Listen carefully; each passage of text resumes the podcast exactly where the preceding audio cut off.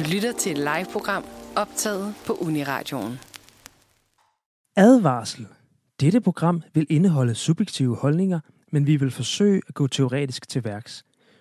Vi er ikke ude på at gøre nogen kede af det. Vi prøver bare at være ærlige. Du må gerne være uenig med os, og hvis du er, så udfordrer dig selv til at høre programmet alligevel.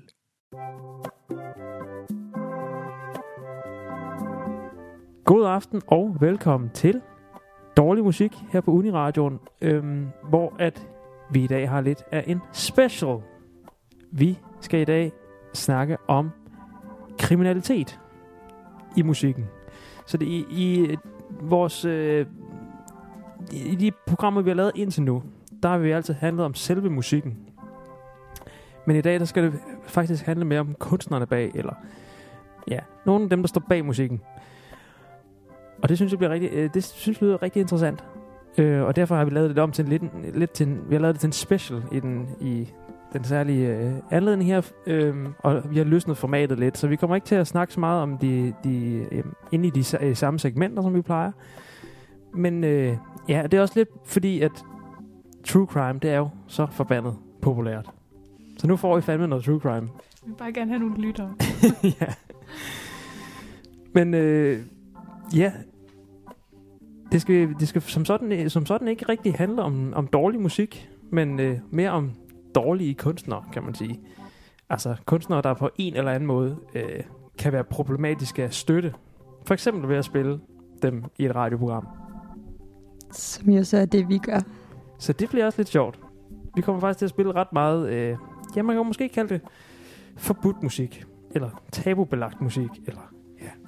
Det bliver spændende, og det skal vi også diskutere undervejs. Vi kommer, lige, kommer til at, at, at, at, at snakke øh, en del om, om de eksempler, vi kommer med i dag. Og øh, vi skal igennem lidt forskellige ting og sager.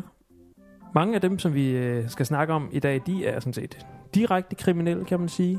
De er faktisk blevet dømt og øh, har været for en retssag og sådan noget. Så er der andre, der er sådan lidt mere i gråzonen. Øh, og så er der nogen, som egentlig bare er klamme og som ikke kan dømmes. Bare sådan dårlige mennesker måske. Ja. Ja. Det kommer vi ind på. Øhm, ja, og vi kommer til at snakke om nogle velkendte sager, og, og, men vi kommer også til at dykke lidt ned i nogle af, af nogle kunstnere og sager, som øh, du lytter måske ikke kender. Øhm, og vi skal lige starte lidt med at, starte med at snakke om, hvorvidt man skal, øh, skal man, skal man ikke bare kunne skille øh, kunstneren og, og værket ad, Lærke? Jeg synes, det er en virkelig øh, svær debat. Og jeg, øh, jeg har nok bare prøvet at styre lidt udenom, hvis jeg skal være helt ærlig. Mm. Altså, og faktisk på musikvidenskab plejer jeg at beskæftige mig med folk, der har været døde meget længe.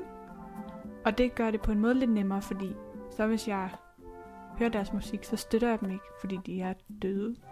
Men på den anden side, så er der ofte endnu flere problemer med, med altså folk, der er 200 år gamle, fordi de ligesom, de har ofte både været racistiske og misogyne. Ja, Øhm, sådan var det desværre med i de gamle dage. ja, Ja. det var meget almindeligt. Men altså, jeg har faktisk bare glædet mig til at, øh, at tage lidt fat på spørgsmålet om, man kan skille værk og kunstner ad. Mm. Fordi at det simpelthen bare... Uh, det er svært. Det er svært at gøre på egen hånd. Det er godt, I er her. Ja. Altså, jeg vil sige med det samme, at jeg, øh, altså, jeg er stærk tilhænger af, at man skal kunne skille øh, kunstner og værk ad, og, og sådan set kunne øh, tillade sig at høre musikken, uden at have nogen øh, moralske øh, kvababelser. Øhm, men det kan være, det bliver udfordret undervejs, når vi dykker ned i nogle af de her sager. Hvad siger du, Christina? Jamen, øh, altså jeg synes også, det er en lidt svær debat. Jeg tror, jeg tror måske lidt, jeg har kørt på sådan en mavefornemmelse. Hvornår får jeg selv dårlig samvittighed? Eller jeg synes måske, det er lidt problematisk. Men det er, sådan, det er ligesom Lærke siger, lidt svært med dem, der har været døde rigtig længe. Fordi det var jo, det var jo en anden tid. Men det er også super problematisk, meget det, de har gjort. Mm. Så der, den, den, den bliver lidt svær.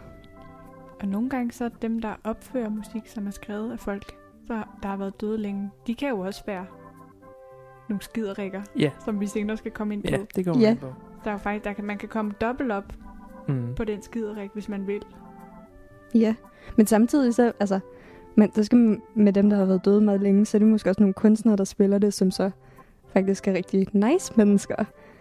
Og udligner det så, eller hvordan skal man så, er det så kunstneren, altså den performative kunstner, eller er det komponisten, eller hvor ligger den så henne? Ja. Der er mange spændende lag i det. Vi kommer også til, til senere, vi skal, ja, vi kommer også til at snakke om radiostationernes ansvar, og, øh, og til, til sidst skal vi også snakke om, øh, ja, lidt om øh, musikselskabernes ansvar i at udgive musik af problematiske kunstnere. Men først, så skal vi høre om høre musik af en, ja, det er jo nok, han er, det er jo nok det klassiske eksempel, egentlig, øh, i, med det her. Øh, han, øh, han er en af dem, der er døde, men han har ikke været død i så lang tid. Øh, det kan også være, at det øh, har en betydning. Vi skal høre noget Michael Jackson, og vi skal høre PYT, Pretty Young Thing. Og den kommer her. Her var det Michael Jackson med Pretty Young Thing. Og øh, ja, det var måske de her Pretty Young Thing, han ikke rigtig kunne holde fingrene fra. Fordi at Michael Jackson, han skulle jo, som mange ved, angiveligt have gjort en masse forfærdelige ting ved nogle små drenge. Øh, ja, og det var en, øh, det var ligesom et, et øh, der gik ma- i mange år rygter om det, at han lidt var en klammert. Men så var det ligesom i, øh, i dokumentaren Leaving Neverland, øh, der kom på HBO, at det, det sådan blev ret tydeligt, at øh, der var nogle af de her ofre her, der ligesom talte ud. Og øhm, ja, altså jeg synes jo sådan set, jeg synes Michael Jackson er så fedt. Altså, Jeg synes virkelig, det er ærgerligt, hvis øh, det, skal, det skal fjernes. Men altså, det var faktisk det, der skete, fordi at på baggrund af dokumentaren, så valgte mange radiokanaler øh, i mange lande at fjerne hans musik fra rotationslisterne. Og, og øh, ja, blandt også en, en episode fra The Simpsons, den øh, blev også fjernet, så den ikke var i rotation mere, hvor han var med som en cameo. Øh, men så senere hen, så valgte flere radiokanaler at, at tilføje musikken igen. Øh, fordi at folk simpelthen ville have den tilbage. Fordi at det... Øh, at folk udenbart, de kunne godt se igennem fingre med det, eller hvad man skal kalde det. Og simpelthen fokusere på, øh, at det er noget fed musik.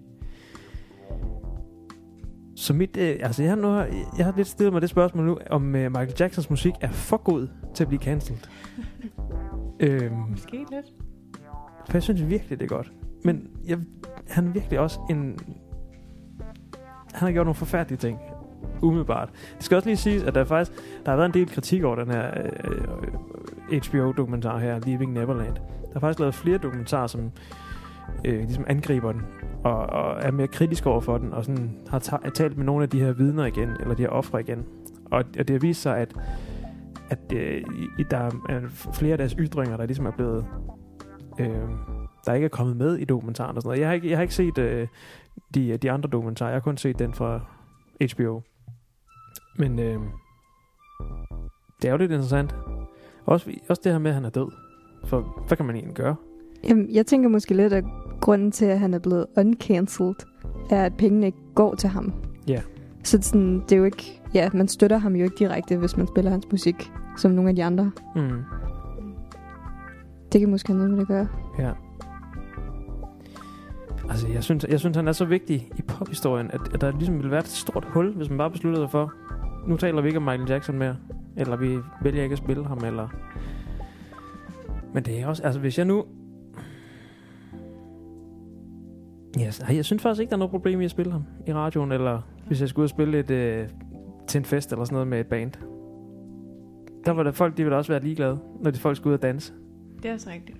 Så ville folk da gerne høre Michael Jackson. Men jeg, altså jeg, nu sidder jeg og tænker over, hvordan jeg selv har forholdt mig. Og faktisk på den første sådan spilleliste, jeg lavede på min egen Spotify, der var der PYT på. Mm-hmm. Men den har jeg slettet. Øh, Ja. Altså ikke hele listen. Jeg har Nej, bare taget noget med, ikke? For det var en rigtig god liste. Øhm, og jeg kan da egentlig godt, altså når jeg tænker mig om, så tror jeg måske også, at jeg har sat den på et par gange på min Spotify, men så er jeg altid lige gået ind i uh, private session, fordi jeg er simpelthen for bange for, hvad folk tænker om mig. Nå? No. Det er ligesom, øhm, altså, Det er måske også, fordi jeg er øhm, en kvinde i 20'erne i København, og jeg er lidt woke. Men jeg skal, der er simpelthen ikke nogen, der skal se, at jeg sagt, hører ja. det. Ja.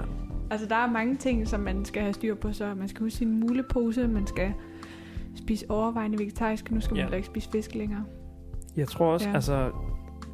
Jeg har lidt en, en, en idé om, at... Øh, altså, man kan, fi- man kan simpelthen finde, finde ting, der ikke er moralsk øh, acceptable overalt. Hvis man graver længe nok og sådan noget, øh, så skal man nok kunne finde et eller andet, som ikke er i orden at støtte.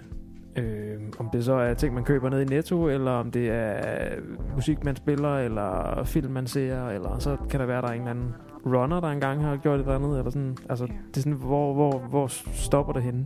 Øh, Film er jo helt uoverskueligt. ja. Det er måske også der, hvor det er meget godt at, at tænke, at man også selv lige skal mærke efter. Mm. Sådan føles det forkert, så er det nok også.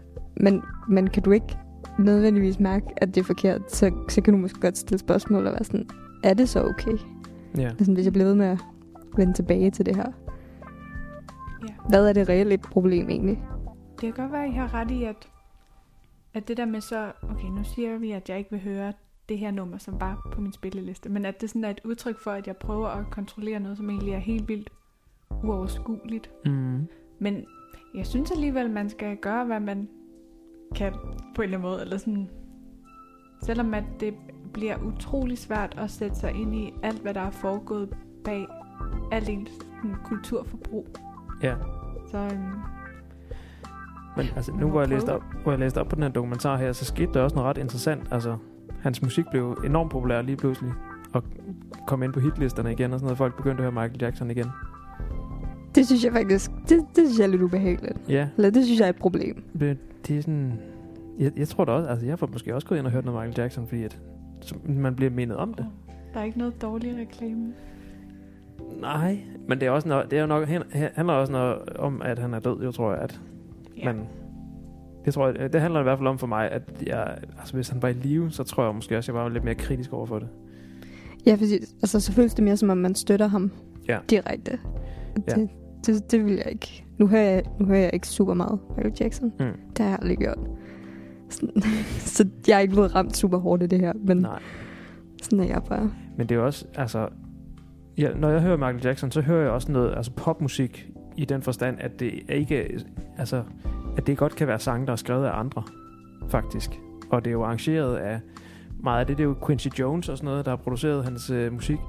Og det er jo egentlig også, det er også lidt det. Det vil, så ville det gå ud over Quincy Jones, hvis man skulle øh, ville cancel øh, Michael Jackson lige pludselig. Og alle dem, der har været med, været med på pladerne og sådan noget, som har bidraget på en eller anden måde. Øh, så det, altså, jeg synes, det er lidt synd for sådan popmaskinen. Men det er jo også det, der egentlig gør det så uoverskueligt, for der er jo helt vildt mange mennesker med på sådan en plade. Ja. Så hvis du skulle lade være med at spille musik, hvis der var en på den, der havde gjort noget, der var problematisk, Mm. du, det, du vil jo ikke finde halvdelen af gangene. Ja. Det Så, bliver jo også lidt så jeg svært. vil sige, altså så længe det ikke afspejler sig i musikken, sådan, det, det, Men gør det, Det skal det, det- nej, men det er også det. det gør det måske. Nej, men det er, altså det er sjovt nu, vi sad og kiggede på mange af hans plader, så- altså, eller på mange af hans sange, og der er faktisk mange ting, der handler om sådan noget kriminalitet og sådan noget nu, der, ligesom, det ses, kan ses i et andet lys nu, hvis man kigger på øh, uh, titlen på en sang. Det kan være, vi kommer ind på det senere. Vi skal, vi skal snakke om en anden kunstner nu, øh, der er også er lidt i samme boldgade. Han er dog i live, og øh, der er også nogle mere, øh, kan man sige, han er faktisk blevet anklaget direkte nu. Øh, og det er R. Kelly, øh, som har fået rigtig mange anklager for seksuelt misbrug. Jeg sad og var inde på kigget kiggede på hans Wikipedia. Altså det, der, der, på hans Wikipedia der er mere om hans øh, anklager og, og, og hans øh, hvad hedder det, kriminalitet, end der er om hans egentlige karriere.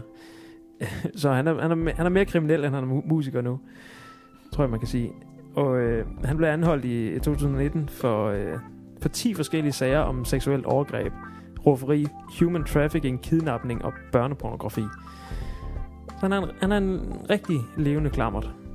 Øhm, ja. Ja, så lige en mærkelig fun fact, det er også, at han har været gift med en 15-årig. Hvor det, det er jo også ulovligt i USA. Øhm, jeg ved ikke, det er også lidt... en- Det, altså, hvilken forskel gør det for jer, at han er i live? Altså, jeg har ikke lyst til at støtte ham. Nej. Fordi det går direkte, eller der går penge til ham. Ja. Det er ikke hans familie, eller sådan ligesom Michael Jackson, hvor det er børn, det går, altså hans børn, det går til. Mm. Det er jo bare ham- der tjener på, at man sidder og hører det. advokat. Ja. Ja. Ej, det Ja. holder jeg mig også fra. ja, det er jeg også enig i. Jeg, jeg, jeg, jeg synes også, det er mere problematisk med R. Kelly. Øhm, Men han er også, altså, nu ikke for at sige overhovedet, at, øh, at Michael Jackson ikke er skyldig, for det, mm. jeg har set dokumentaren, jeg synes, den var rigtig ubehagelig. Ja. Men han, altså, R. Kelly er jo dømt. Der, er- der er håndgribelige beviser. Der er jo, altså, no doubt. Ja. Ja. Men øh, ikke desto mindre, så skal vi høre noget R. Kelly nu. Fordi at, øh, ja, det er det, programmet handler om. Vi, vi- vi, vi tør spille de ting, som andre ikke tør spille. Så vi skal, vi skal høre I Believe I Can Fly med R. Kelly. Ja, han troede, han kunne flyve. Den gik ikke. Øh, ja, og som øh, min roomie, Frederik, han er med som live publikum igen i dag. Han sagde under musikken, der er nok ikke den sådan, største historiske Ja, det er ikke, ikke et stort problem for pophistorien, hvis R. Kelly han bliver taget ud af den. Øhm, det er måske rigtigt nok, sammen, i hvert fald sammenlignet med Michael Jackson. Vi skal fortsætte lidt i popverdenen, fordi at nu skal vi snakke om også et andet meget kendt eksempel. Chris Brown og Rihanna. De havde en lille en sag i, i år 2009. En meget kendt sag faktisk, fordi at der var rigtig meget medierne, og, og jeg vil også våge at påstå, at medierne havde en, en, en betydelig rolle i sagen. Fordi at der skete det, at Chris Brown han øh, tævede sin daværende kæreste Rihanna i en bil i Los Angeles, Los Angeles i 2009, den 8. februar. Og øh, ret hurtigt så kom der billeder af Rihannas tævede øh, ansigt ud i medierne, og øh, ja, det så meget voldsomt ud, men man kan måske huske billedet. Øh, det, altså, det, altså han, hun fik øh, rigtig meget tæv, men øh, Chris Brown han var, havde dog selvindsigt nok til at melde sig selv til politiet, og han blev idømt en øh, masse samfundstjeneste, fem års prøveløsladelse og et, øh, ja, et terapiforløb. Øh, og der var nogen, der mente, at straffen den var for lav, fordi at han faktisk han, er jo, han har ret meget indflydelse på, på ungdommen, fordi at det er unge, der hører hans musik. Øhm, ja. Og der var også mange radio- radiostationer, der valgte at stoppe med at spille hans musik. Øhm, ja, og for, og for eksempel i 2010, der blev han øh, nægtet arbejdsvisum til, i England. Altså han skulle på turné i England. Og han blev simpelthen næg, øh, nægtet øh, indrejse. Øh, nu har jeg et citat her. Fordi, altså, being guilty of a serious criminal offense. Og det er altså direkte relateret til den her sag med Rihanna. Og der er altså lidt en teori om, at det kun er fordi, at det har været op i medierne. Altså den her sag her. At de ikke øh, ham moralsk har kunne, kunne tillade ham at tage på turné i landet. Altså bare et år efter. Øh, og det er simpelthen, øh, han er simpelthen blevet nægtet visum. Øh, jeg tror ikke, jeg er bange for, at de fleste, der tæver deres koner, de går lidt under radaren. Og ikke øh, får så meget eksponering i medierne. Øhm, ja, yeah. altså generelt så er Chris Brown ikke en særlig fed type. Han, øh, han har også engang slået Frank Ocean i hovedet, øh, fordi de kommer op og skændes om en parkeringsplads. Så for min skyld kan man også godt lade være med at høre Chris Brown. Han er ikke fed. Ej, han er altså lidt pres, ikke? ja. Det er bare sådan, han, det føles som om, han er problematisk for at være problematisk. ja. Jeg tror, at dårlig musiks officielle holdning skal være, at man skal høre noget Rihanna i stedet. Ja, det er rigtigt. Men vi er jo også, altså vi bliver jo meget påvirket af, hvordan musikken lyder. Mm. Altså. Ja. Det, altså, Michael Jacksons musik er bare så god. Ja. Og de to andre der, det, det er ikke et stort personligt tab Nej. for os jo. Nej. Men de må jo have nogle, nogle belieber typer, eller sådan nogle, Ja, ja. nogle hardcore fans. Altså, jeg ved at Chris Brown, han laver, altså, han laver stadig vildt meget musik.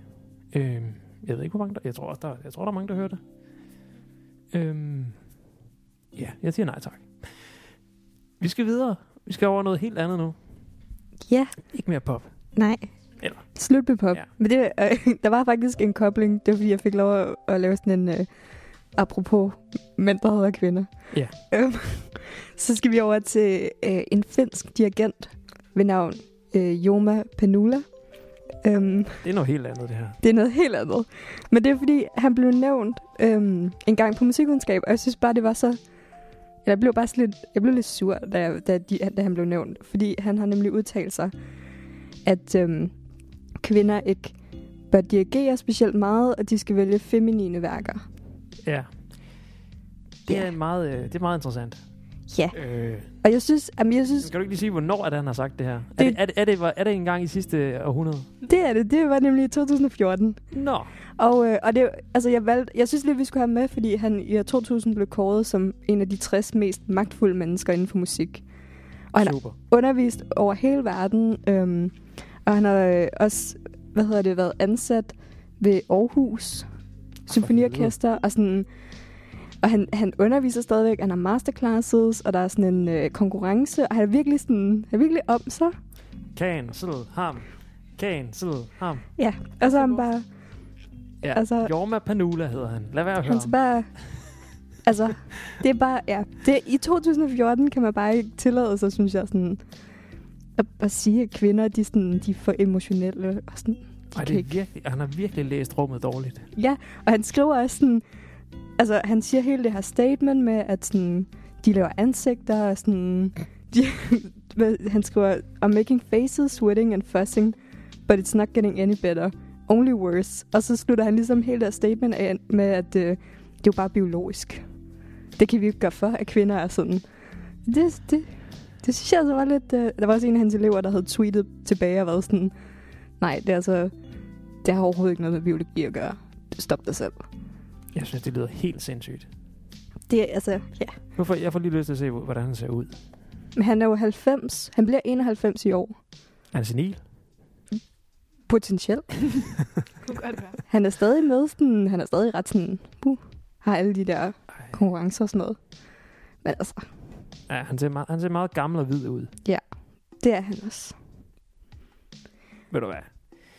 Ham er der faktisk ikke en grund til at tale mere om, synes jeg. Nej, og jeg synes egentlig... Kan vi ikke også cancel, at han underviser, hvis han ikke sådan gider undervise kvinder? Altså, Jo, kan vi bare fuldstændig cancel ham? jo, han er ikke noget værd, ham Vi vil aldrig blive undervist. Nej. Nej. Ikke på grund af vores dårlige dirigentegenskaber, men For det kunne måske også være det, vi ville blive valgt fra på. Men Ja. vi ville vælge ham fra ja. først. Men det er jo ret interessant, sådan, hvordan MeToo har ramt den klassiske verden. Ja. Fordi øh, for det første så er der jo, jeg bilder mig ind, at, sådan, at der måske nogle gange er mere undervisning. Men også at måden folk for eksempel øh, behandler hinanden på i et symfoniorkester, er ofte også noget, som ligesom er gået i arv i lang tid, fordi man aldrig bare skifter et helt orkester ud. Så den kultur, der er, den har ret svært ved at, at dø. Ja. Men det er også sådan, det er ligesom det professionelle klassiske musikere, de laver. Ja. De er i de her institutioner, som er ret gamle ofte. Så der har jo været, altså der har været rigtig meget sådan underskriftindsamlinger og artikler om, hvordan det fungerer. Ja. Er, Ja. er, er, der noget, er, der, er der stadig ikke kvinder i Wiener Philharmonikerne? Uh, Nå, okay. Men det, Det var er, rimelig, det er ikke det, længe. var, det er ikke, det er for nylig. Men var det ikke også... Altså, på et tidspunkt var det kun deres harpespillere. Ja. Der var et eller er andet. mærkeligt noget med sådan- Feminint Det er et meget Feminin, feminin ja. instrument. Og der er meget få kvinder, der spiller bass og sådan noget. Det er sådan lidt... Det synes jeg er fjollet. Jeg ville vildt gerne spille kontrabas. Altså, det er... Ja. Men øhm, ja, der har også været mange problemer med dirigenter. De har lidt gamle, mandlige, hvide Ja. typer. Ja. Og altså, Ja. vi skal til at høre noget musik nu, som for det første er skrevet af en dårlig person, men det er også en dårlig person, som dirigerer. Ja. Og det er, det er Wagners Die Valkyr øhm, fra hans Ringen. Og øhm, ham, der dirigerer, han hedder James Levine. Og øhm, han øh, blev ligesom inviteret til Bayreuth, og var der i mange år. Altså, jeg tror, det var sådan noget 82 til 98 eller sådan noget, ikke? Lang tid. Og man var rigtig glad for ham, fordi at det var godt for Bayreuths image at have en jøde. ja. vil jeg er det hvad, du lige skal forklare, hvad Bayreuth er? Jamen altså, Bayreuth er en by i Tyskland. Men Ja. det, man, man siger ligesom også, at når man bare snakker om Bayreuth, så er det det sådan operahus, som Wagner selv fik bygget, fordi der ikke var nogen operahus, der var gode nok til ham. Ja. Og øhm, det, efter han døde, så tog sådan hans familie bare over, og der er sådan nogle festspil hvert år, når der Mm. ikke er corona. Det er meget øh, Ja. øh, eftertragtet Ja. at tage til Og vigtigt Star Wars festspil. Så, og de har bare haft rigtig mange problemer med, øhm, at Wagner han ikke kunne lide jøder. Han er simpelthen udgivet af artikler, hvor han skriver om, om jødiskhed i musik. Mm. Øhm, ja.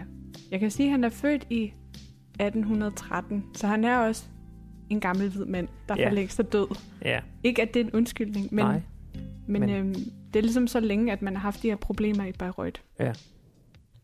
Øhm, Men ja, du sagde, at James, han, James Levine, han var ligesom blevet ansat for at få en, en jødisk øh, dirigent ind.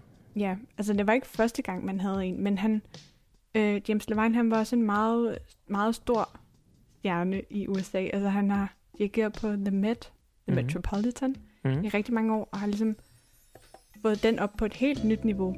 Og så øh, tilbage i 17, så øh, øh, var der nogle unge mænd, der lagde sag an imod ham, fordi han havde krænket dem. Og han blev Nå. dømt. Men så har han ligesom bare sagsøgt dem tilbage og fået 20 millioner dollars eller kroner, det kan jeg ikke huske, men Nej. I hvert fald rimelig mange penge. Ja. Men han, altså, selvom at han ligesom fik ret i det, at, altså, at det ikke var okay, de havde ødelagt hans navn, så blev han bare stadig fyret fra det hele, og har ligesom ikke dirigeret siden. Men Og nu, nu er han død også.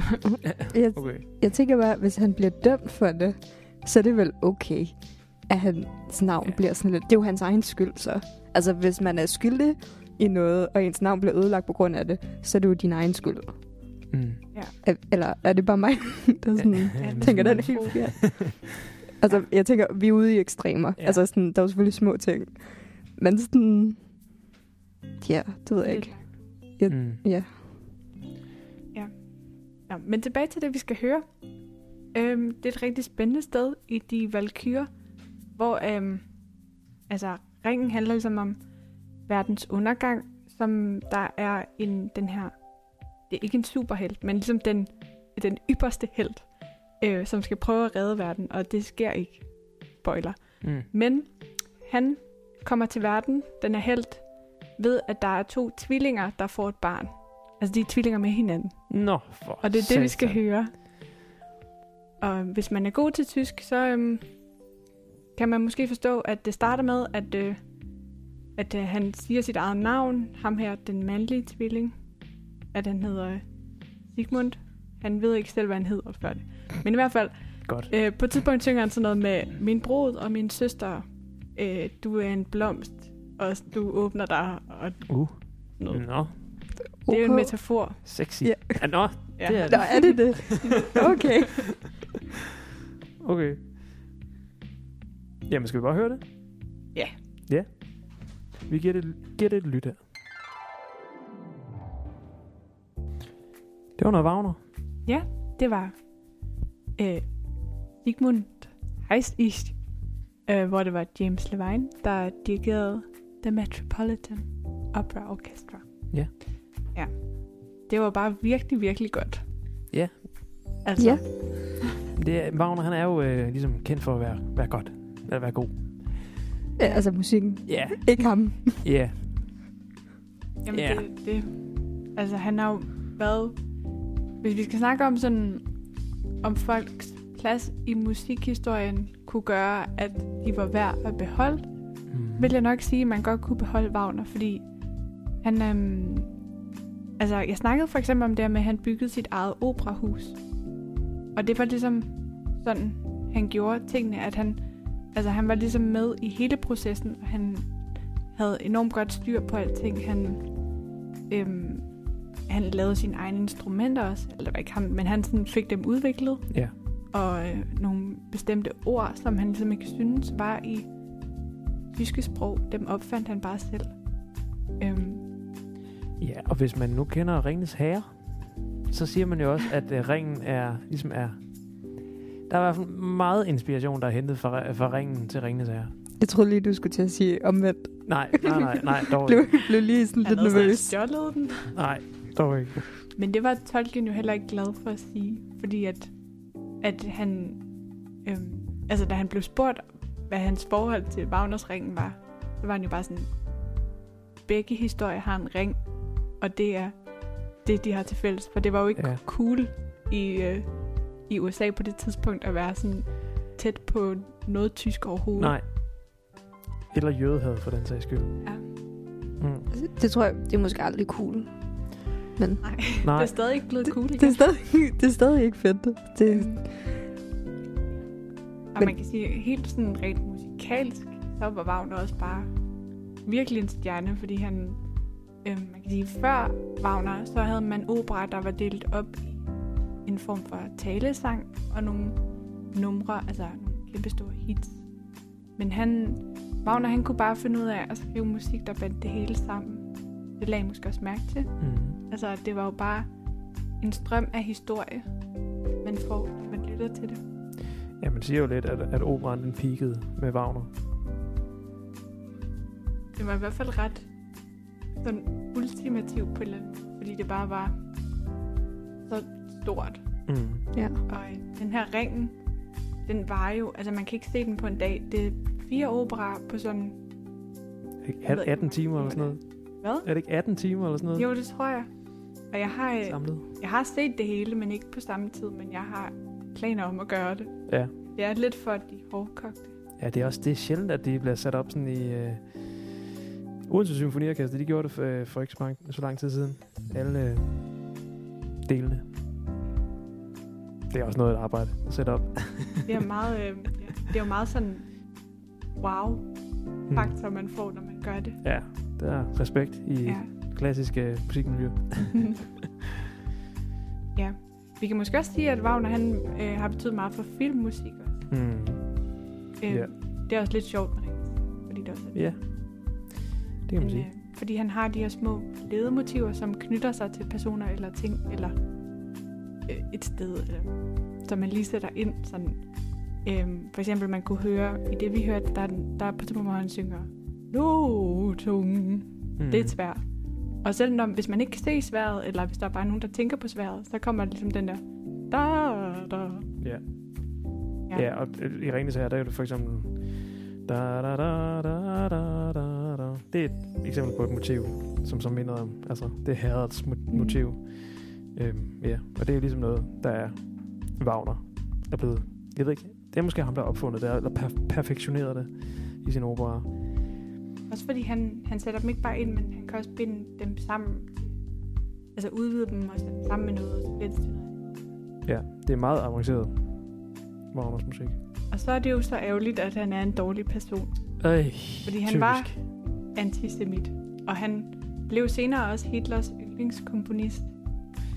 Men Typisk. det var måske en form for blød antisemitisme. Hvis man kan sige det sådan. Fordi han var ikke sådan slå, slå jøderne ihjel. Nå, Men han var mere sådan, vi skal alle sammen være tyskere. Han ville godt have, at de bare blev tyske. Og han Og var også var han lidt en medløber? Måske. ja, det var, altså, ja, for det var jo meget sådan, Tyskland på det tidspunkt, der, der var jøder bare ikke særlig øh, populære. Måske i Europa i det hele taget, men det vil jeg ikke udtale mig om. nej det, Men det, det var- det er også noget af nemlig. Han var ikke en, en altså han var ikke enig om de her tanker overhovedet. Nej. Og altså den dag i dag, så øhm, spiller man ikke øh, Wagner øh, på den sådan, øh, altså på den øh, statsradioen mm. i Israel.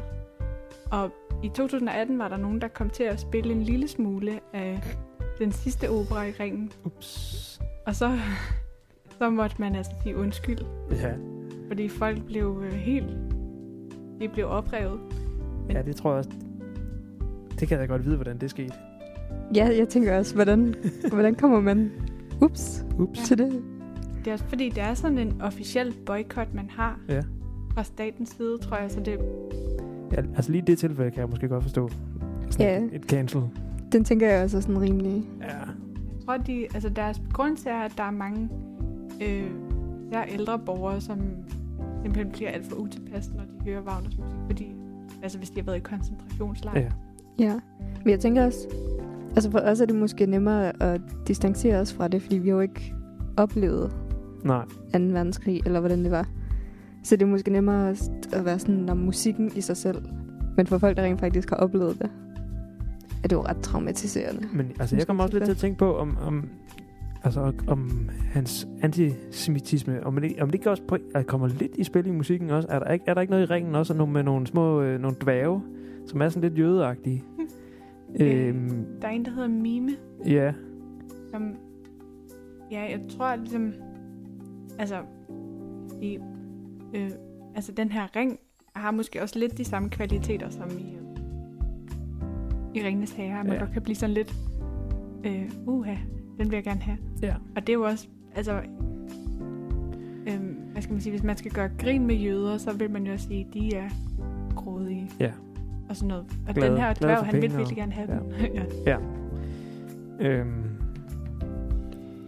men altså, er det fordi, at øh, Wagner han er, at det, han er gammel, at det ligesom er mere okay så? Altså, det var en anden tid. Det var, der var flere antisemitter dengang. Det var det helt sikkert. Det er måske også altså, lidt, lidt i stil med Michael Jackson. Man kan jo ikke skrive ham ud Nej, af historien. han Det er også han- næsten for vigtig. Jamen, det, er- altså, det er han jo. Han, det, vi kan jo ikke komme udenom ham. Nej. Altså, Men så er det måske vigtigt bare at fortælle den historie om hans antisemitisme så. ja. Jeg tror også, det er vigtigt ja, Ja, at Bagsiden af medaljen. gør, gør opmærksom på, også fordi det er jo historisk kontekst. Ja. Og det er Ja, ja. bare vigtigt generelt at vide. Så Det, ja. Han, han, er, han er jo ikke et sted, hvor at, at hans musik kan blive helt skilt fra selv, tror jeg. Altså, jeg, der er i hvert fald et eksempel på i 2011, hvor, øh, hvor øh, hvad hedder det? Israeli Chamber Orchestra skulle spille Wagners musik i Bayreuth. Okay. Øhm, og altså, dirigenten havde ligesom et behov for at, at sådan komme med en udtalelse og Ja. sige, vi ved godt, at han var en dårlig person, men vi gør det alligevel, og, øhm, og, og altså, en af hans begrundelser var også lidt, at man ikke bare kan tige det ihjel. Ja. Så han, han følte jo ikke, at han kunne dirigere det uden at sige noget. Altså, så musikken kunne ikke stå alene. Han blev nødt til ligesom at, at i tale sætte Mm. nogle tanker. Ja, men jeg synes, jeg synes også på en eller anden måde, det, det er finere at, at, at behandle det, end at bare boykotte det. Så, det- så er det jo faktisk så er det jo de her israelere, der har vundet, kan man sige. ja. Og det er jo også bare vigtigt at forholde sig til det. Mm. Altså ved netop at, at lige sige nogle tanker. Hvad så hvad? Ja. Det synes jeg, jeg synes også, det er en fin måde at gøre det på.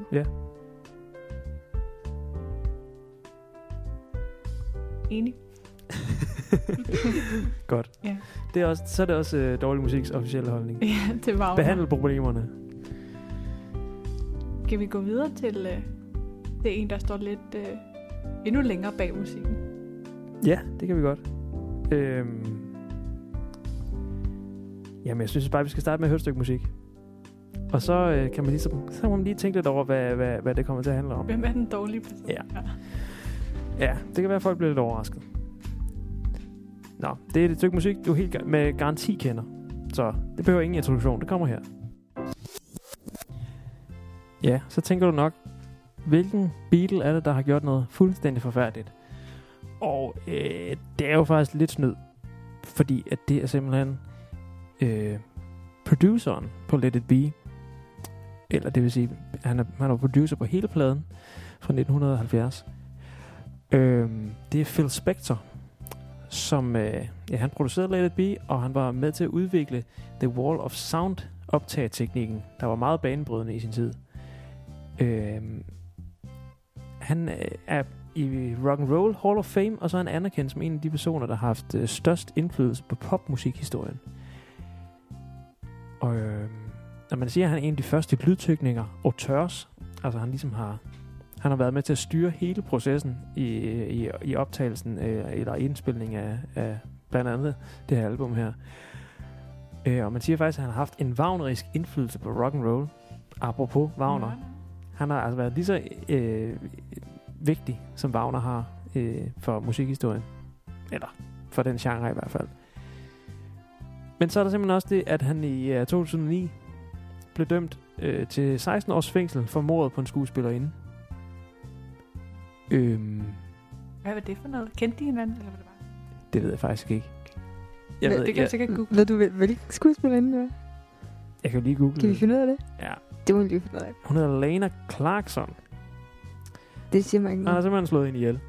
Og øh, ja, jeg ved ikke, altså, kan vi ikke også blive enige om, at Let It Be, det er en for stor en sang til, at man kan cancel den? Eller har jeg ødelagt Let It Be for jer for resten af livet? Ved at fortælle, at ham, der har lavet den, han er simpelthen er morder. Han var det jo ikke på det tidspunkt. Nej, men, men han blev det jo. Eller, Ja, han må have haft det i sig på en eller anden måde. Altså, jeg er ikke så stor beatles faktisk. altså, jeg havde jo jeg havde jo faktisk et fag om Beatles. Øh, jeg ved ikke, det er sådan lidt svært. For det er jo Beatles. Ja. Ja. Også fordi det er jo ikke... Altså med Michael Jackson, der var det jo hans navn. Mm. Der er sådan... Fordi man kan jo godt sige, at Michael Jackson og hans familie har jo penge nok. Ja. Men det der med, at hans, hans navn, det sådan kommer op hver gang, man spiller ham. Det er jo ikke fordi, at Phil Spector, han bliver... Det er jo ikke det første, man tænker på. Nej, men det er også det, jeg tænker også. Han har vel ikke rigtig lagt noget af hans morderidentitet i lydteknikken.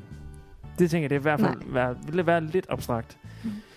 Øhm, og man kan jo også tænke, at det er jo, altså, det er jo først i år 2009, øh, at han er, han er blevet dømt for det her. At, og det er jo, hvad er der gået så næsten 40 år, Ja. at han så ligesom har ændret karakter øh, i løbet af den tid. Øhm, Men der, altså, der er vi måske lidt tilbage til den der med, at der, der, altså, der er så mange mennesker bag en produktion. Så hvis vi boykotter det her, så er det jo bare dem alle sammen, der mister penge. Ja. Ja. Det er jo heller ikke... Det føles også lidt forkert. ja. For det er jo ikke deres skyld, at han er et røvhul. Nederen. Ja. Jeg, jeg kan se på hende øh, skuespilleren, Lena Clarkson, at hun var mest... Hun har ikke lavet nogen store film, så det er måske okay. Nej. Ah. Klipper vi. Nej, hun, hun, var, hun har været øh, øh, statist i Scarface. Okay. Så øh, Men det er jo Nej, stadig altså- altså, sendt for hendes altså familie. Ja. det er aldrig i orden at slå nogen ihjel. Nej. Det, er også, det er også øh, dårlig musiks officielle holdning. Men jeg vil sige, i det her tilfælde her, altså jeg, også, jeg elsker Beatles så meget, at ja, det nærmest bliver en mærkelig fun fact. Egentlig. Øh, Ja. det, jeg synes, det, gør, det rører ikke min, min øh, holdning til musikken overhovedet. Øh, selvom det er forfærdeligt. Det er, og det er, det er jo forfærdeligt, men det er virkelig svært. Ja. Det, altså, det føles mærkeligt at boykotte sangen Ja. på grund af det. Ja, og det var også, øh, altså, jeg ved ikke, om det var, måske var retfærdighed eller sådan noget, men han døde simpelthen tidligere her på året af, af corona. Han var blevet gammel i, i fængsel og sådan noget. Men, ja. Det er også det er li- lidt ind i den samme diskussion med, altså, så- man kan jo faktisk man kan jo blive ved med at gå ud sådan, i, i flere led og sådan finde folk, der har gjort slemme ting. Øhm, Men mor er jo klart den værste, Jamen, jeg det er også i det. dag. Så begynder det sådan, er der, er der, ja, man kan selvfølgelig også parkere ulovligt og sådan noget, det er også. Ja. Men ja, det er sådan, der kommer pludselig gradueringer, og hvilken indflydelse man har haft på musikken og sådan noget. Det, det er sgu en svær diskussion, men øh, ja, jeg kommer, jeg kommer til at høre mere, mere Beatles. Det var ikke det. Øh, ja. Ja. Vi skal videre med noget klassisk. Vi skal videre med noget klassisk. Ja. Det er også bare, altså nu, vi skal snakke lidt om Beethoven. Og han er sådan lidt en, måske en gråzone. Han Ja. er jo ikke kriminel. Han er Nå. bare nederen. Han var bare et dårligt menneske.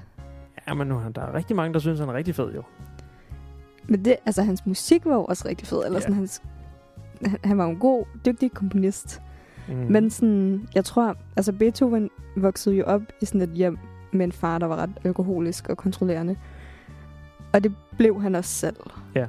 Ret meget. Klassisk. Klassisk bare fortsætter, hvor hans far slap. Ja. Og så, øhm, altså, så han lavede bare en masse ting, der ikke var så smarte, eller sådan kiggede lidt ind ad vinduer på folk.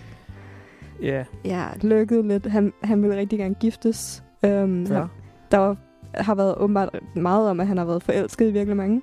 Der er nogen kvinder, der vil have ham. Det er jo ikke kriminelt. Det er ikke kriminelt overhovedet. Det er lidt hans egen skyld. Altså, det var lidt, fordi han sådan... Han var måske sådan lidt grov og sådan lidt ubehagelig at være i nærheden af. Og Ja.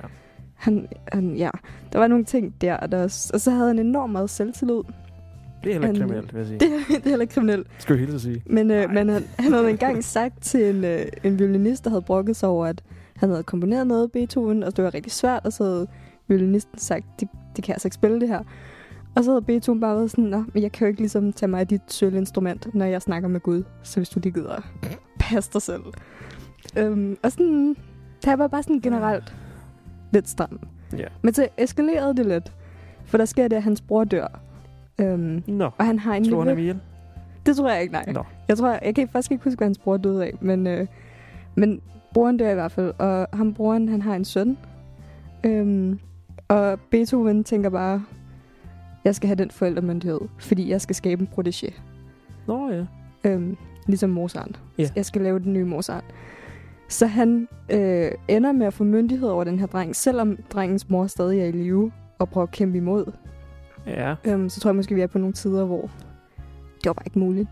Nej. Øhm, og så begynder Beethoven ligesom at få den her dreng til at spille klaver og prøve at dyrke hans talent. Problemet er, at Det var han rigtig glad for, var han ikke det?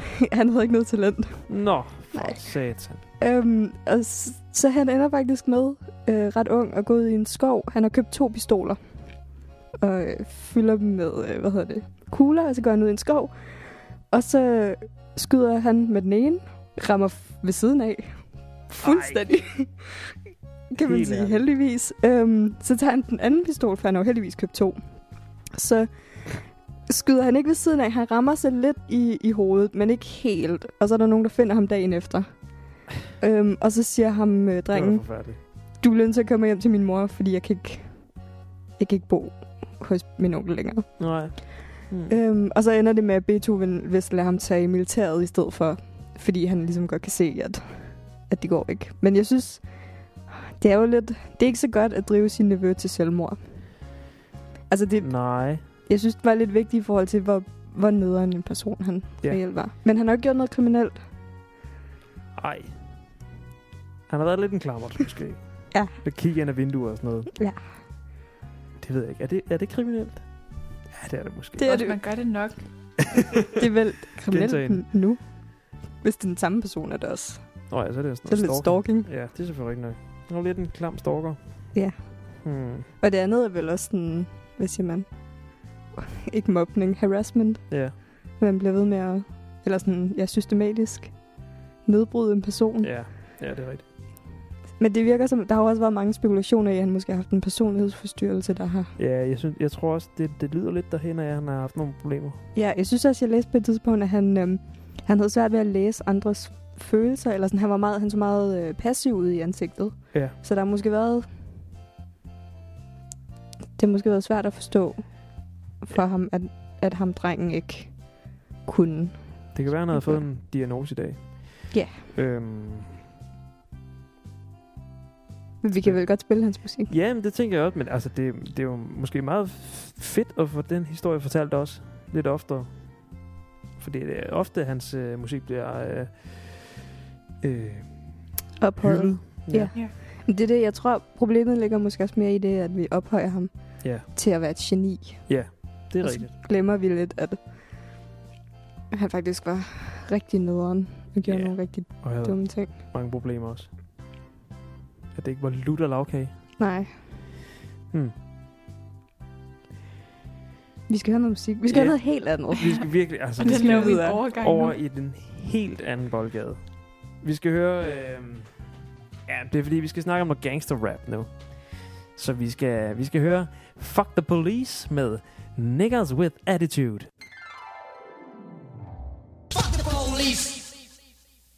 Ja, vi skal som sagt snakke om gangster rap nu, fordi at det er en genre, der er... Man kan nærmest sige, at halvdelen af ordet gangster rap faktisk handler om at være kriminel. Det er lidt en kriminel genre. Og det er over halvdelen. Ja, det kan man faktisk sige. dem, Ja, der med i. på den måde. Ja, bogstav for bogstav. Ja, godt, godt. Det er en undergenre af hiphop, som dukkede op i midten af 80'erne. Og øhm, det er lidt en kontroversiel genre, fordi den har øh, meget tætte bånd til bandemiljøet i USA. Og det er for eksempel Bloods og Crips, hvis man kan huske dem. Det kan jeg i hvert fald huske, jeg snak, vi snakkede om, da jeg gik i folkeskolen. Okay, jeg skulle, altså, var det os, der skulle huske? Jeg, det siger mig ikke noget.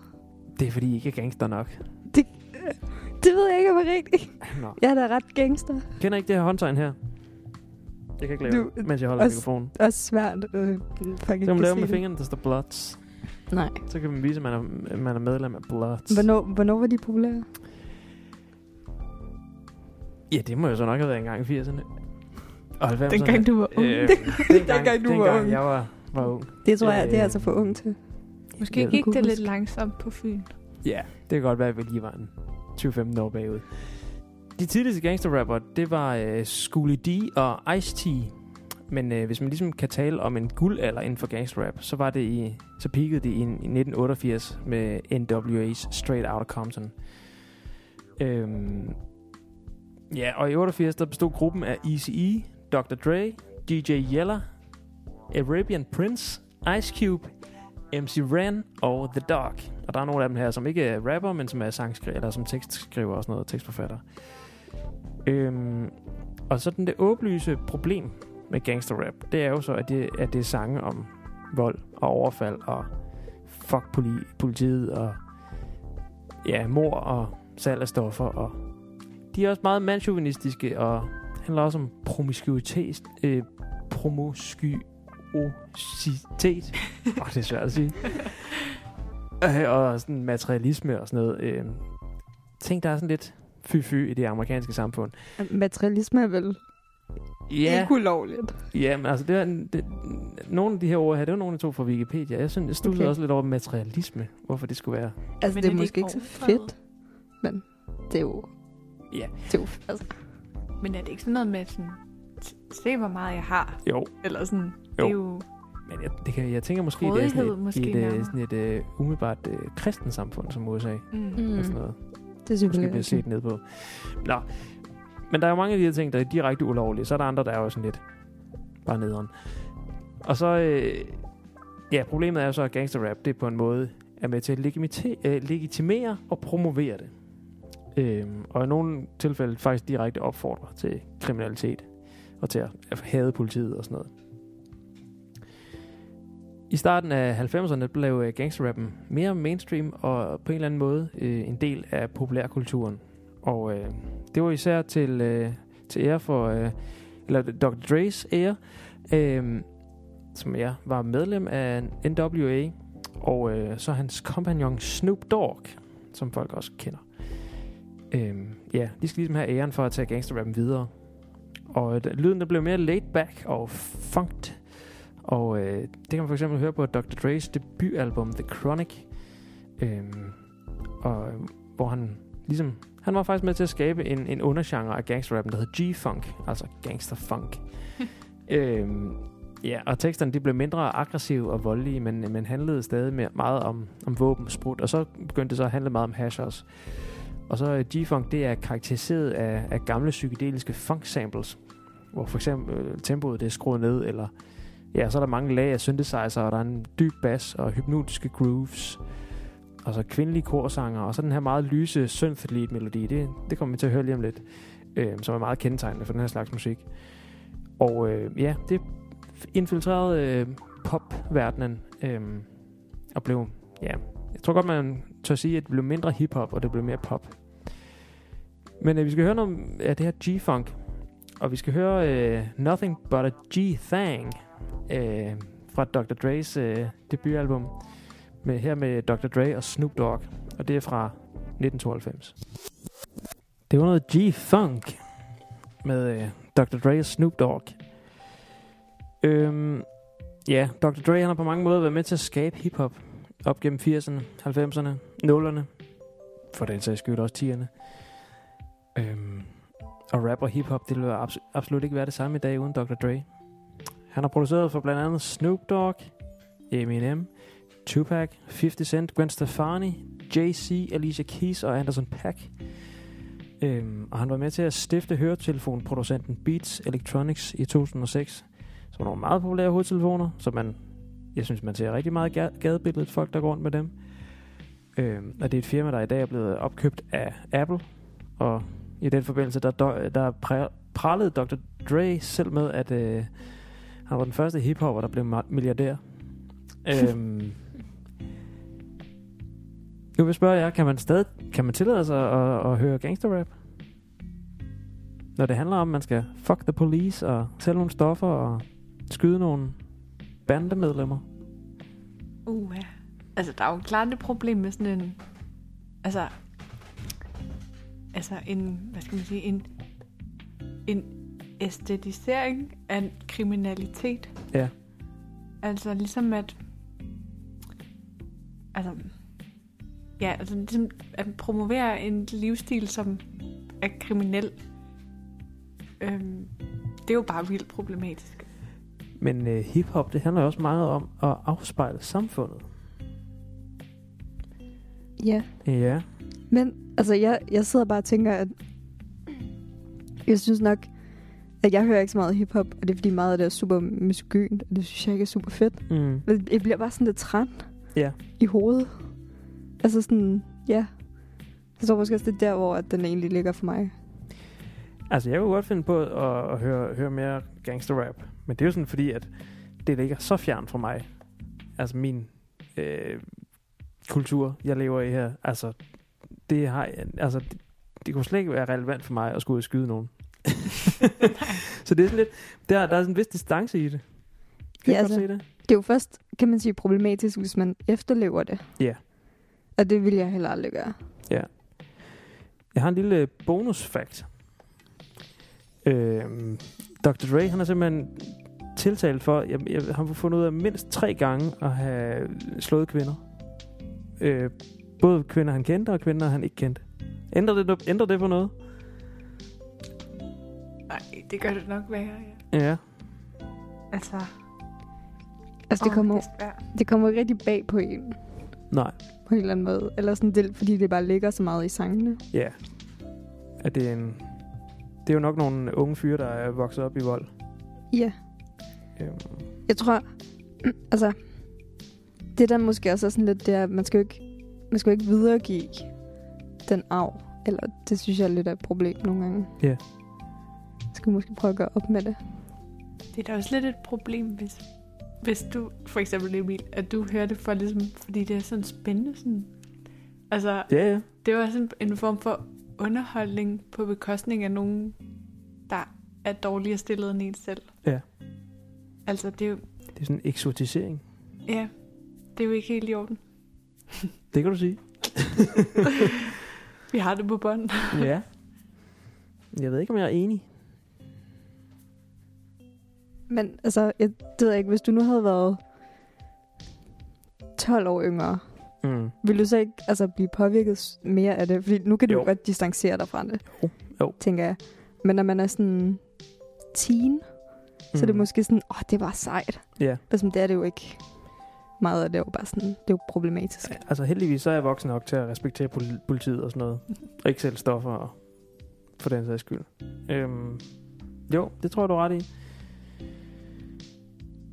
Men jeg har, sådan, jeg har fået mere lyst til at høre gangsterrap. Af af at lige har forberedt det her indslag.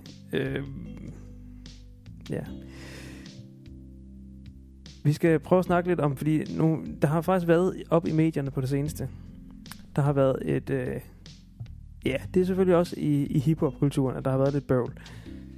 Øhm, og det er igen den her diskussion om adskillelse af, af, af værk og kunstner, øhm, som har været oppe. For eksempel i, i Weekendavisen her i, øh, fra, fra fredag den 9. april, øhm, hvor der er blevet diskuteret musikselskabernes ansvar, når de udgiver musik af kriminelle kunstnere. Og øh, det er fordi, at den svenske rapper Yasin, øh, han for nyligt modtog øh, priserne Årets Kunstner og Årets Hiphop ved den svenske musikuddeling P3 Guld, altså øh, arrangeret af, af, af Svensk Public Service. Øh, eller det vil faktisk sige, at han modtog dem, mm, altså han sad i fængsel, da han modtog øh, priserne her, og øh, ja, hvor han, han er blevet tiltalt for at planlægge og medvirke i en kidnapning af en anden stor svensk rapper, øh, samt at planlægge et bombeangreb øh, som en slags yderligere afpresning af kidnapningsofferet. Og øh, ja, øh, ja, han har først siddet inden for øh, ulovlig våbenbesiddelse og har været anklaget for mor, og han er åbenlyst en del af bandet øh, Shotters. Eller banden Shotters, ikke bandet. Det kan også være, det er et band. Øh, og debatten går så på, og, øh, om, øh, altså om, øh, ja, svenske public service organer ligesom skal understøtte en, en, en tydelig kriminel øh, rapper. Øh, ja, og på den måde ligesom er med til at blåst, øh, indirekte er til, med til at blåstemple øh, kriminalitet, som den her bande øh, begår. Det, er da også, det kan man da ikke. Det er da Nej. talt meget om mig. Ej, Det, vir- det jeg virker også lidt absurd. Ja. Men det, det skal bliver også lige jeg sur over at høre. Jamen, det skal nemlig siges, at øh, altså, det er øh, det svenske P3, øh, der har øh, nomineret ham. Så er det så senere, han så er han så blevet anholdt. Men det er faktisk lytterafstemninger, der har afgjort, øh, hvem der vinder. Og det er, jo, altså, det er jo sikkert fordi, at den her anholdelse her har øh, skabt en masse opmærksomhed omkring ham. At folk giver stemt på ham. Men de, har- altså, de har, at diskussionen var nemlig også oppe at vende, om de skulle trække nomi- nomineringen tilbage. Men de holder altså på, at øh, man skal adskille kunstner og værk. Jeg synes, Øhm. de skulle have trukket den tilbage. Ja, den, jeg holder også lidt med at trykke den tilbage. Det er da totalt langt ud, at... Altså, fulgte der penge med i den pris? Det gør der vel? Mm, Eller hvad? Mm, det ved jeg ikke. Det er gør jo der bare da- Ja, det ved jeg ikke. Det gør der i hvert fald i Danmark, hvis man vinder på Tribune. public service. Det handler om sådan ansvar for, uh, at... Altså, altså, så er det jo... Ja, altså offentlighedens sådan, service. Altså, man kan gøre noget godt for offentligheden. Men- Men, og så give penge til en, der har tænkt sig at bombe. Men er det ikke meget friskt at respektere, at, øh, at det er en del af samfundet? At der er kriminelle i samfundet? Jo, men jeg synes, der er forskel på, at... Altså, hvis det nu havde været en, der havde været dømt tidligere, havde afsonet sin straf, Mm. Mm. så tror jeg, jeg ville have nemmere ved at kunne adskille det, fordi man ligesom har afsonet den, og man er videre. Men her er det sådan, når du bliver anholdt, og så får du en præmie, så bliver det nærmest en præmie for at ville bombe nogen. Ja. Eller sådan, det synes jeg, det er problematisk. ja, det er lidt det, der er det uheldige i det. Det er sådan set øh, timingen i det, der måske Ja. er lidt... Det er ret ærgerligt. Altså, så skal der måske være en regel om, at man må ikke være, det ved jeg ikke, under en retssag, eller sådan. Ja, men det er det. Så lige pludselig skal man lave mange regler jo. Øh, Nogle gange er det også bare et vurderingsspørgsmål. Ja. Ja. Man siger, juryen skal ligesom etisk overveje, hmm. om det er forsvarligt. Ja. Men altså, som sagt, så er en af grundpillerne i hiphop, det er jo, at den skal afspejle samfundet. Og øh, der findes jo et utal af eksempler på, at hiphop er, er med til at give, give stemmer til, eller kan man sige, talerør til folk, der normalt ikke kan komme til ord i samfundet. Altså samfundets nederste lag. Øhm, og der er jo også nogen, der bruger det til, som en vej ud af kriminalitet. Ved at rappe sig ud. Øhm, men altså, kan man så tillade sig at begynde at fjerne det her spejl? At censurere i det? Det er sådan lidt det, diskussionen har været på. Eller sådan bestemme, hvem der kan kigge ind i det her spejl. Altså, Yasin har selv sagt det øh, ret fiffigt, øh, hvis jeg skulle sige det selv. Han har, han har sagt, øh, det er et citat fra Weekendavisen her. Hiphop er et spejlbillede af samfundet.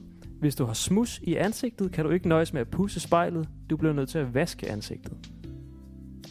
Dybt. Altså, han er ikke helt dum en Altså- kriminel at være. Jeg kan godt se, hvad han mener. Og jeg synes heller ikke, altså man skal, jeg synes ikke, man skal censurere hans musik. Nej. Og jeg synes ikke, man skal give ham en pris, Nej. Når han lige er blevet dømt. Nej. Fordi der, det bliver sådan en legitimering af, at det er okay. Mm. Det holder jeg stadigvæk i, at altså sådan ytringsfrihed, og du har lov til at udgive, og der er jo et publikum til det, tydeligvis. Det er også derfor, det sælger. Og det kan man jo ikke. Det er også en stor del af musikbranchen. Mm. Men, Men det er også lidt svært at sige, hvad, altså, hvad censur er. Er det Mhm. bare, når man... Hvis man bare ligesom, øh, lukker munden på folk? Eller er det ligesom også... Øh, altså bare at behandle dem som ligeværdige? Eller jeg ved ikke. Fordi man kan jo godt sige, for eksempel, kvinder har stemmeret, men der er jo stadig sådan, de er jo stadig lavere løn og sådan noget, ikke? Mm. Altså, så det kan jo godt være, at, at sådan censurbegrebet også vil dække over, hvem det er, man så fremhæver som dygtig. Ja. Men det, det er stadig bare, det er bare ret kikset gjort. Ja. Men tror ikke også, de havde fået kritik, hvis de havde fjernet ham fra, nomi- fra nomineringerne? Fordi Jeg altså, tror- han, altså, han var bare, han er sådan set bare anholdt. Han er jo ikke dømt endnu. Nej, jeg tror måske, at øh, vi sidder også og kritiserer dem nu. Mm. Jeg tror, at kritik er jo uundgåeligt i sådan Mhm. en her situation. Så der er det mere sådan en mavefornemmelse. Er det, er det okay? Er det forsvarligt? Ja. Det bliver man jo også nogle gange nødt til at... Man kan jo nok ikke undgå... Der er sikkert også nogen, der har kritiseret, at han har fået den. Ja. Ja. Nu bliver jeg også bange for, at jeg måske var lidt for hård før. Nå, Det er jo rigtigt nok, at hvis man ikke er dømt, ja. så er man jo ikke Til det modsatte er bevist. Men... Ah, Den er bare lidt... Det kommer også an på, altså, hvor, hvor sikker den er. Ja. Altså, er der beviser mod ham? Er vi sådan, han bliver dømt? Eller er det sådan, uh, han er nok uskyldig? Jeg kan ikke udtale mig om enkeltsager. øh, ja, vi har lidt en dansk øh, pendant i, øh, i øh, Jamaica. Han er også rapper. Øh, han er fra, han voksede op i Vejle i Finlandsparken, og det er en, et socialt belastet område, der har øh, været på ghetto-listen i mange år. Og øh, han har hele sit ungdomsliv været kriminel, og han kom for alvor i medierne i 2019, da han øh, blev eftersøgt af politiet efter et knivstikkeri i Esbjerg. Det, jeg kan i hvert fald huske det tydeligt fra medierne. Det særlige var så, at øh, mens han var på flugt fra politiet, så fortsatte han med at udgive musik. Og øh, det fik hans øh, pladeselskab Universal ret stor kritik for, fordi at, ja, det virkede også meget mærkeligt. Øh, men altså Universal, de holdt også på, at man skulle adskille øh, kunstneren fra værket. Og, øh, at det er, og at det er vigtigt at høre øh, musik fra kunstnere, der kommer fra hårde miljøer, og som har en anden dagligdag end den almindelige dansker. Øhm, ja, han blev så anholdt i øh, november 2019, og han er stadig varetægtsfængslet. Jeg mener faktisk, at der er kommet... Øh, at der faktisk, faktisk skulle komme øh, dom i hans sag i dag. Ja, og mens vi optog det her program, der kom det ud i medierne, at øh, Jamaica er blevet idømt en øh, forvaringsdom på øh, ubestemt tid, der typisk er øh, 13-15 års fængsel. Øhm, ja, og det, for nyligt kom det ud, at han formentlig får en, øh, en ubestemt forvaringsdom, fordi han simpelthen er for farlig at have i samfundet. Øh, ja, og siden, han, øh, siden hans øh, anholdelse er der kommet øh, meget musik fra ham. Blandt andet titelnummeret Buffalo Soldier til serien To Døgn, øh, der kan se på øh, UC's streamingstjeneste C. Er det ikke lidt underligt? At bruge øh, musik fra en kriminel? Øh, ja, det er lidt, altså det er et eksempel, det minder måske meget om øh, de andre ting, vi har snakket om, men nu er det i, i god gammel Danmark. Men altså, jeg tænker lidt sådan... Er det ikke mærkeligt? Er der ikke nogen på Universal, der ved, hvor han er, hvis han udgiver? Det tænker jeg er kritikken. Eller det vil, det vil være mit kritik på. Ja, altså jeg læste faktisk et, øh, et, et, interview i Soundvenue, hvor man har snakket med hans, øh, en af hans producer, som havde faktisk havde fået... Øh, oh ja, hvad det hedder. Han havde, han havde fået lov til at udgive musik på vegne af ham. Men altså, de havde... Altså, de, de mød, han, han mødtes med ham og sådan noget steder, hvor at han ikke kunne øh, øh, blive fundet af politiet og sådan noget. Øhm, og så, altså det musik, der kommer ud nu, det er jo musik, der er optaget for lang tid siden. Jamen, jeg tænker bare... Altså, det, jeg synes egentlig ikke, jeg har nødvendigvis måske et problem med, at de udgiver hans musik, mens han er på flugt. Men de skal jo have musikken. Mm-hmm. Altså, de mødes med ham, velvidende, at han er på flugt. Det synes jeg er lidt... For det er jo i... Er Ja. det ikke ulovligt? Eller... Det ved jeg ikke. hvis man er eftersøgt. Ja, hvis, altså, ja, hvis man er eftersøgt, så er det vel... Skulle de lave en civil anholdelse? Ja, men man kan sige, så skal, altså, er det ikke sådan normalt, hvis man så ser en, så ringer man og sådan, hey, Jo, men jeg tror, at de har jo været smarte og tænkt, det, altså, det er jo god omtale. Det er der, der er afspillinger i. Ja. Mm, Ja. det er jo bare lidt kapitalistisk. Ja. Men altså, det er jo trist på en eller anden måde jeg synes, det er meget interessant. Øhm, vi skal høre et stykke musik, inden vi går videre til vores... Ja, vi har, vi har en quiz. Det kan vi ikke undgå. Vi skal høre et stykke musik, og det er... Øhm, ja, det er af, af Jamaica, og det er Buffalo Soldier, øh, som udkom her tidligere på året. Er vi, er vi blevet klogere i dag, eller er vi blevet mere forvirrede?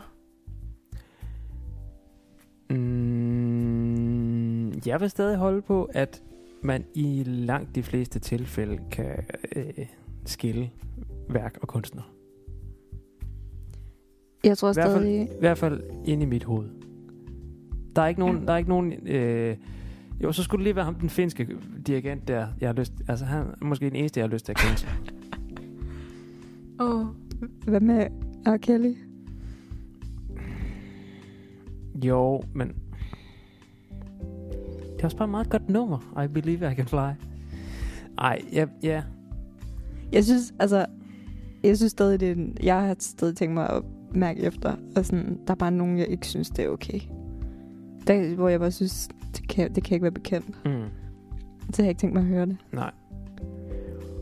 altså da vi snakkede om Wagner og øhm, ham der dirigenten, der øhm, øh, li- lige vil komme med en offentlig udtalelse, der synes jeg da, at der var ret god stemning i studiet på en eller anden måde, om at, øhm, at det heller ikke nytter noget bare at mute, men at det er sådan, at det måske heller ikke skal stå alene. Mm. Og det, det er jo vel det, der er lidt besværligt, hvis man altid skal have sådan en, ja, en disclaimer. Ja. Sådan, Ja. Husk nu, at, at Phil Spector spillede en rolle på det her album. Han, Ja.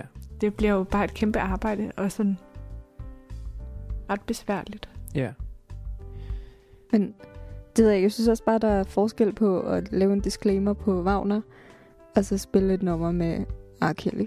Mm. Altså sådan, Mm. den historiske kontekst Ja. er ikke super stærk Nej. hos R. Kelly, så det er lidt nemmere at sige, kan vi bare slette ham lidt? Ja. Ja.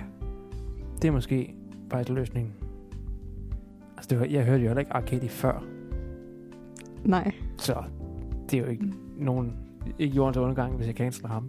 det er jo ikke, det er jo ikke fordi han er sådan historisk super vigtig for Nej, musikken på nej. nogen måde. Ligesom, man kan godt komme udenom ham, føler jeg. Ja. Ja. Altså, man behøver ikke nødvendigvis, det ved jeg ikke, men man kan godt. Mm. Det er nemmere. Og Der er jo bare så meget musik derude, så Ja. hvis man skulle bruge noget til sin tv-serie, eller hvis man skulle nominere nogen til en pris, eller bare lytte til noget derhjemme, så burde man jo godt kunne finde på noget. Ja. Ja, altså, gudskelov, så er der flere øh, øh, lovlydige kunstnere, end der er kriminelle. Ja. Øhm, ja. Jeg ved ikke, om vi, vi, vi kommer det nærmere end det. Nej. Nej. Nej. Øhm, det, er, det er sgu en svær diskussion. Og det Ja. er rigtigt nok, altså man kan, man kan virkelig bruge meget tid, hvis man skal diskutere øh, alle tilfælde og disclaime hele tiden og sådan noget. Øhm. Så lad os gå videre til en quiz. Ja, Ja. vi giver op. Ja, I giver op. Find ud af det selv.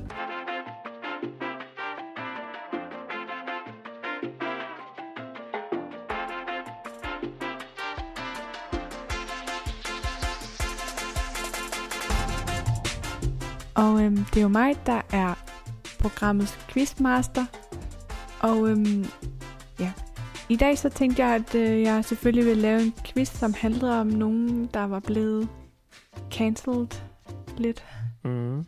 Øhm, så først så, øhm, så googlede jeg Leaving Neverland, altså den her øh, Michael Jackson dokumentar. Fun facts. Ja. Og så, ja, så prøvede jeg at lave en quiz over det. Og det blev noget, det blev bare, det blev ikke fedt. Nej. Nej, det lød lidt nasty. Ja. Ja.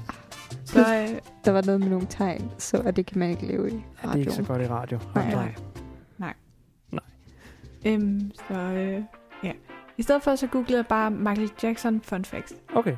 Og jeg faldt over noget øh, interessant, fordi Michael Jackson, han var jo øh, en dyreven. Ja. Øh, noget, han har til fælles med Hitler især, som var vegetar. Og var jo også en, en dyreven. og, og han er nok endnu mere tilfælles med Wagner, fordi han gerne ville være vegetar, Nå. men han, øh, hans helbred tillod det ikke. Han havde noget eksem i øh, ansigtet Nej. og sådan noget. Hvad? Hvad? Så skulle han spise kød? Jamen, det, det stod der på nettet, så det er rigtigt. Det, okay, Okay. det lyder mærkeligt. Det var måske også en anden tid. Ja, Ja. det... Det, var det, det skal man huske med Wagner. Det var en anden tid. Ja, det var sgu en anden tid. Øhm, nå, men i hvert fald, så øh, øh, faldt jeg over et sted, hvor der står, at øh, Michael Jackson gerne ville have været vegetar, men der var en bestemt type fast food, som simpelthen gjorde det umuligt for ham. Noget, han ikke kunne holde sig fra. Nå. Og I skal selvfølgelig gætte, hvad det var.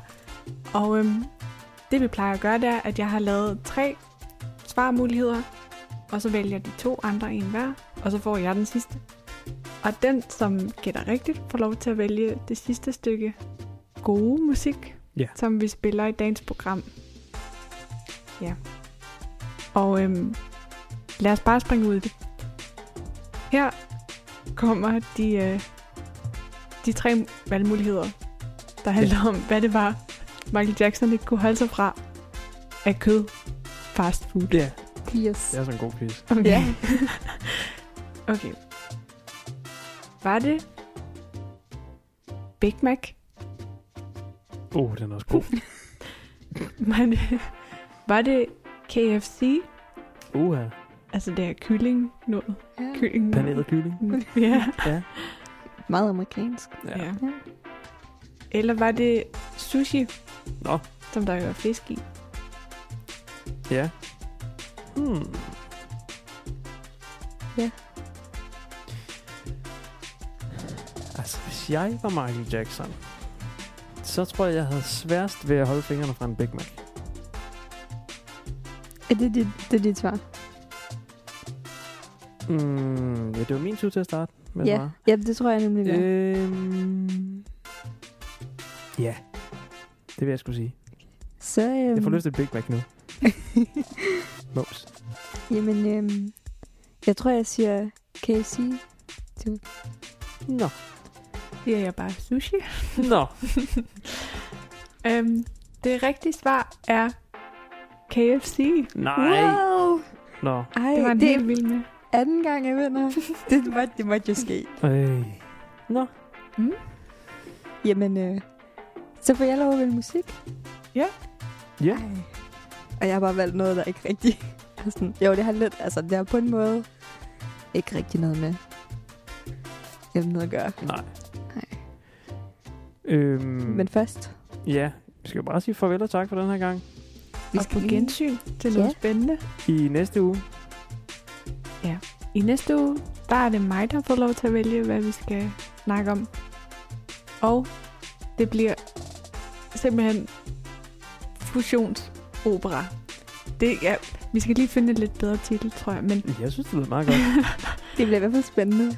det er lidt øh, som en opvarmning til Eurovision. Ja. Hvor man nogle gange kan finde en, en operastjerne. Blandt andet Greta Thunbergs mor. Hende skal vi helt sikkert snakke Ah, om.